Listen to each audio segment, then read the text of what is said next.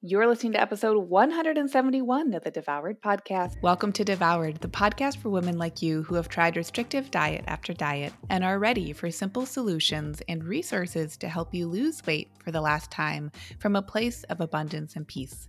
If you're looking to end the yo yo of comfort eating and rigid weight loss protocols and instead step into living your life on your terms while losing weight in the process, you're in the right place. Party people, welcome back to the show. I am so very pleased to have you here. Uh, I feel like we're all hanging out in a room together. We've got the comfy couches, we've got nice, cool drinks in our hands. We've got a cool breeze coming in from a couple of windows. We've got a cross breeze we've got the windows and maybe a door open. And we're just hanging out. We're just talking. We're talking things up.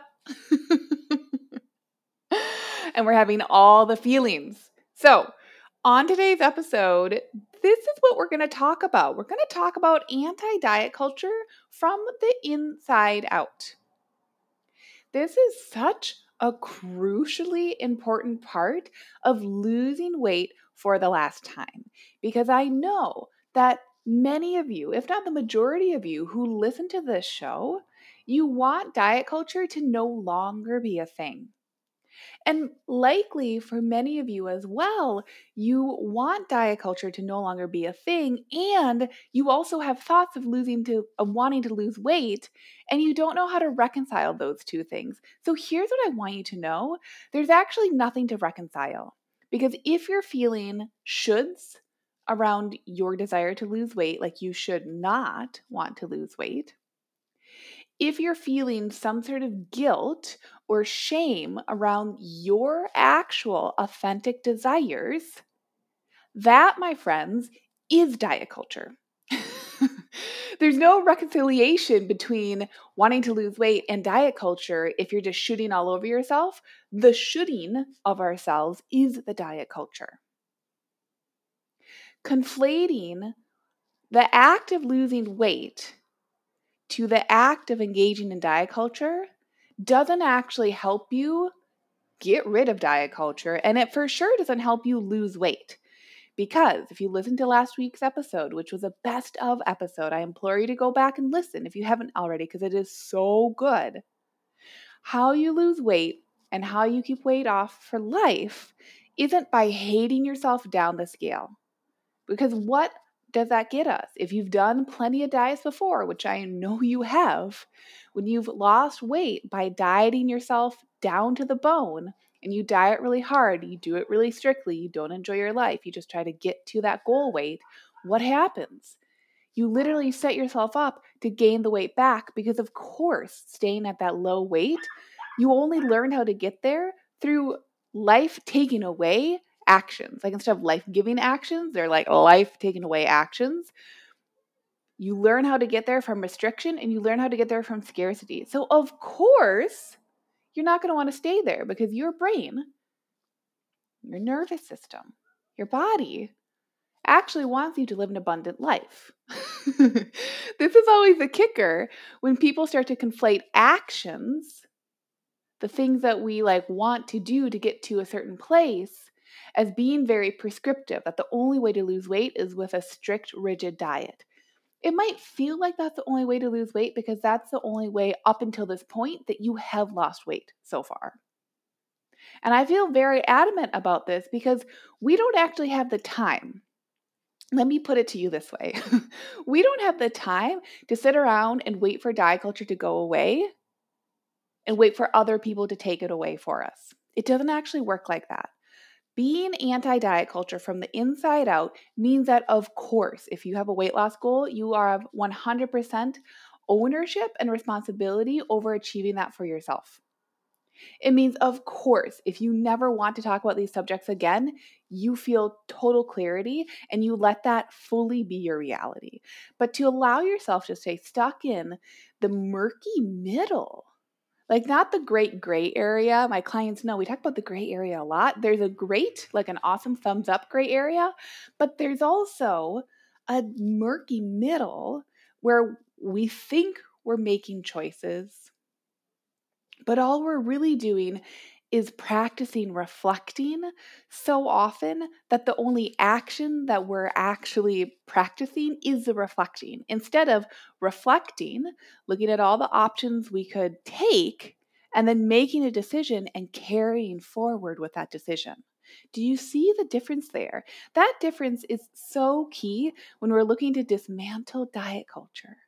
Because the messaging of diet culture tells us what? You can't trust your body, it's broken. You definitely can't trust your cravings because they're coming from a broken body. Your feelings are overwhelming and you shouldn't have any. And when you do, they're too much, so you should definitely numb out from them. It's also telling you that you shouldn't trust your thoughts, that there are things that you should be doing with your time, that you should do something completely different than what it is you actually want to do. And because that's the entire practice of diet culture, when you actually get to the space where you ask yourself, What is it I want? you have absolutely no idea, or so you think. I want you all to be hearing this message that to be anti diet culture, it actually comes from you taking the actions in your life to allow yourself to have a life that is naturally above and beyond diet culture.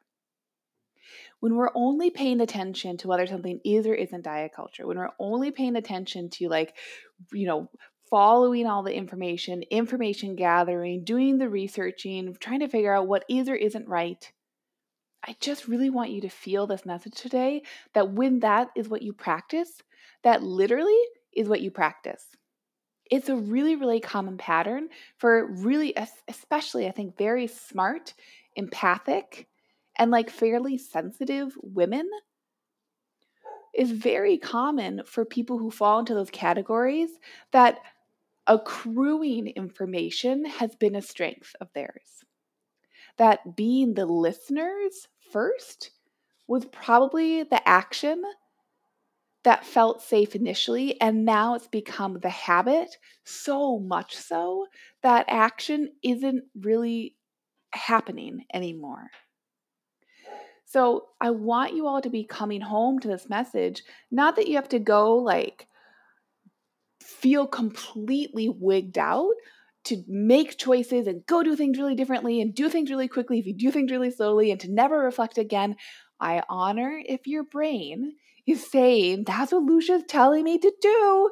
I better do what she's telling me to do because that's how things are going to be different. Slow your roll. your brain is offering you overwhelming confusion. And what I want to offer you with this message today is that you have full permission to tune the noise of diet culture down by turning the volume up on being with yourself and practicing feeling safe with what that actually feels like. Because life is lifey. So when we first start to practice, which is all we're doing in Lean and Liberated, is we're practicing being in our lives right now. When we actually practice that, we're going to have the thoughts and the feelings that are going to come up in that experience that we actually have to embrace not knowing what to do with at first. Now I teach you like I teach you very simple strategy in Lean and Liberated for how to feel your feelings, how to know exactly what to do with your thoughts. But initially, just like when you practice anything, initially when you were learning how to write, of course, you didn't know how to draw your A correctly or write your A correctly. Of course, you knew your name, but you didn't know how to write it down at first until you did. So, I want to honor for all of you who are like, I'm ready to lose weight. I understand that I am also diet anti diet culture, but I don't want to be like reflecting on that so much anymore. I want you to honor if that is what is calling to you, you don't have to be reflecting anymore. You don't have to reflect perfectly. You can take action that your brain is going to say, This feels messy, and legit, nothing has gone wrong because that is exactly how you practice. You have to give yourself the grace that you would give a kiddo as they're starting to learn how to write. How much grace do you give that kiddo? Probably buckets. and it's probably a day by day experience because you know there's no rush. If you try to rush a kid into learning how to write, what's going to happen? They're going to get overwhelmed. They're going to be confused. They're going to feel this external pressure. They're going to make it all mean all these things that have like that don't apply at all. Truly, when you look at the truth of it, of practicing a new skill, that is all that weight loss is. Is that you practice the skill of eating foods that serve you, that serve your body, by understanding what you're feeling, what you're thinking, and the actions that come from those thoughts, both unintentional and intentional. And you show up to that daily as a practice. That is how you lose weight. And it is so radically anti diet culture when we come to the subject of weight loss from this place and like this deep well of love. That's what dissolves the diet culture. Diet culture doesn't exist in a land of love. it doesn't. And here's a beautiful thing for those who love to get meta with me. When we're in that land of love, of like actual deep, authentic love, not just the unicorns and rainbows, but like unicorns and rainbows are there on like the island of love. They're there too, okay? But sometimes they're just like trotting around or on the other side of the island. That's fine when we're on that actual island of love, deep, authentic, true, radical love, the reason diet culture can't exist isn't because we're contrary to it and we're doing things in opposition to it. It's actually because we start to love diet culture for all it's shown us. That actually makes me incredibly emotional to say that. One of the biggest homecomings we can have in our lives when we're looking at these subjects of diet culture and weight loss and the shoulds that society has told us that we need to put on our bodies and whatever else. One of the biggest homecomings we can ever offer ourselves is to fully understand and integrate what it is that we desire for ourselves. So, of course, that means we do have to hold space for everything diet culture has taught us. We just have to love it. We don't have to be best friends with diet culture, but we have to understand it and embrace it because once we do, that's how we let go of it. I want you to think about it like a bully. When diet culture, the bully, is asking for a bunch of attention, it doesn't actually do us any good to like outgrow and move beyond the bully to pay it all that attention. Yeah, we might have to get a really smart adult involved but once we feel safe, which that adult being involved with diet culture is like your nervous system, once your nervous system feels safe, once it really understands, okay, this is how the bully works and acts, the power move is just to pat the bully on the back and to go about your business because you know the bully's actions are just trying to get control over you. And so the biggest, the most royal, and most deeply loving fuck you to diet culture and the bully isn't to go talking about the bully all day long. That's just giving them negative attention instead of positive. That's what it wants. The biggest way is to say that there's space on the island of love for the bully and they're welcome to play there if they'd like. That's how we change diet culture. And we do that from the inside out. We do that by looking at those things that we think are shadows within us and we recognize it's all just here to be loved. And that love happens on days that are so fabulous, and that love happens on days that are shit. that are so like, what else could puppy pile onto this day that would make it even more of like a garbage can of hot dumpster fires? Okay. That's the job. That's anti diet culture, is to find the thread of loving no matter what. That's the radical liberation. Do you hear that? The radical liberation isn't to say, screw you, diet culture, and then go follow all these anti diet accounts that just keep you focused on being anti diet culture. Good for you if that needs to get like the pendulum swinging in the other direction. But actually, everything is directionless. There is no pro or anti. The all or nothing thinking is the diet culture. You're still playing in the paradigm of the bully when you believe it to be that way. The ultimate healing, the ultimate reconciliation is coming home to that island of love and self defining it. Where you decide these are my rainbows, those are the unicorns, this is the shady spot, this is my heart that beats, this is my appetite, this is my hunger. These are the foods I create for the people I love. This is my satisfaction. This is my tiredness. This is my energy. When we come home to those subjects, you will find that diet culture can't really hang out with you anymore because it just doesn't make sense. But there was no fight to it. You catch my drift? Anti diet culture comes from the inside out. It comes from us deciding and taking the action to love ourselves. And we do that for those who are like, well, how do I do it? you do that by showing up to the small moments in your life and being present with them. You do that by deciding to take the actions that might look like nothing to everyone else, but are something for you. That's how diet culture fades. That's how we shift the narrative. That's what we offer to younger generations.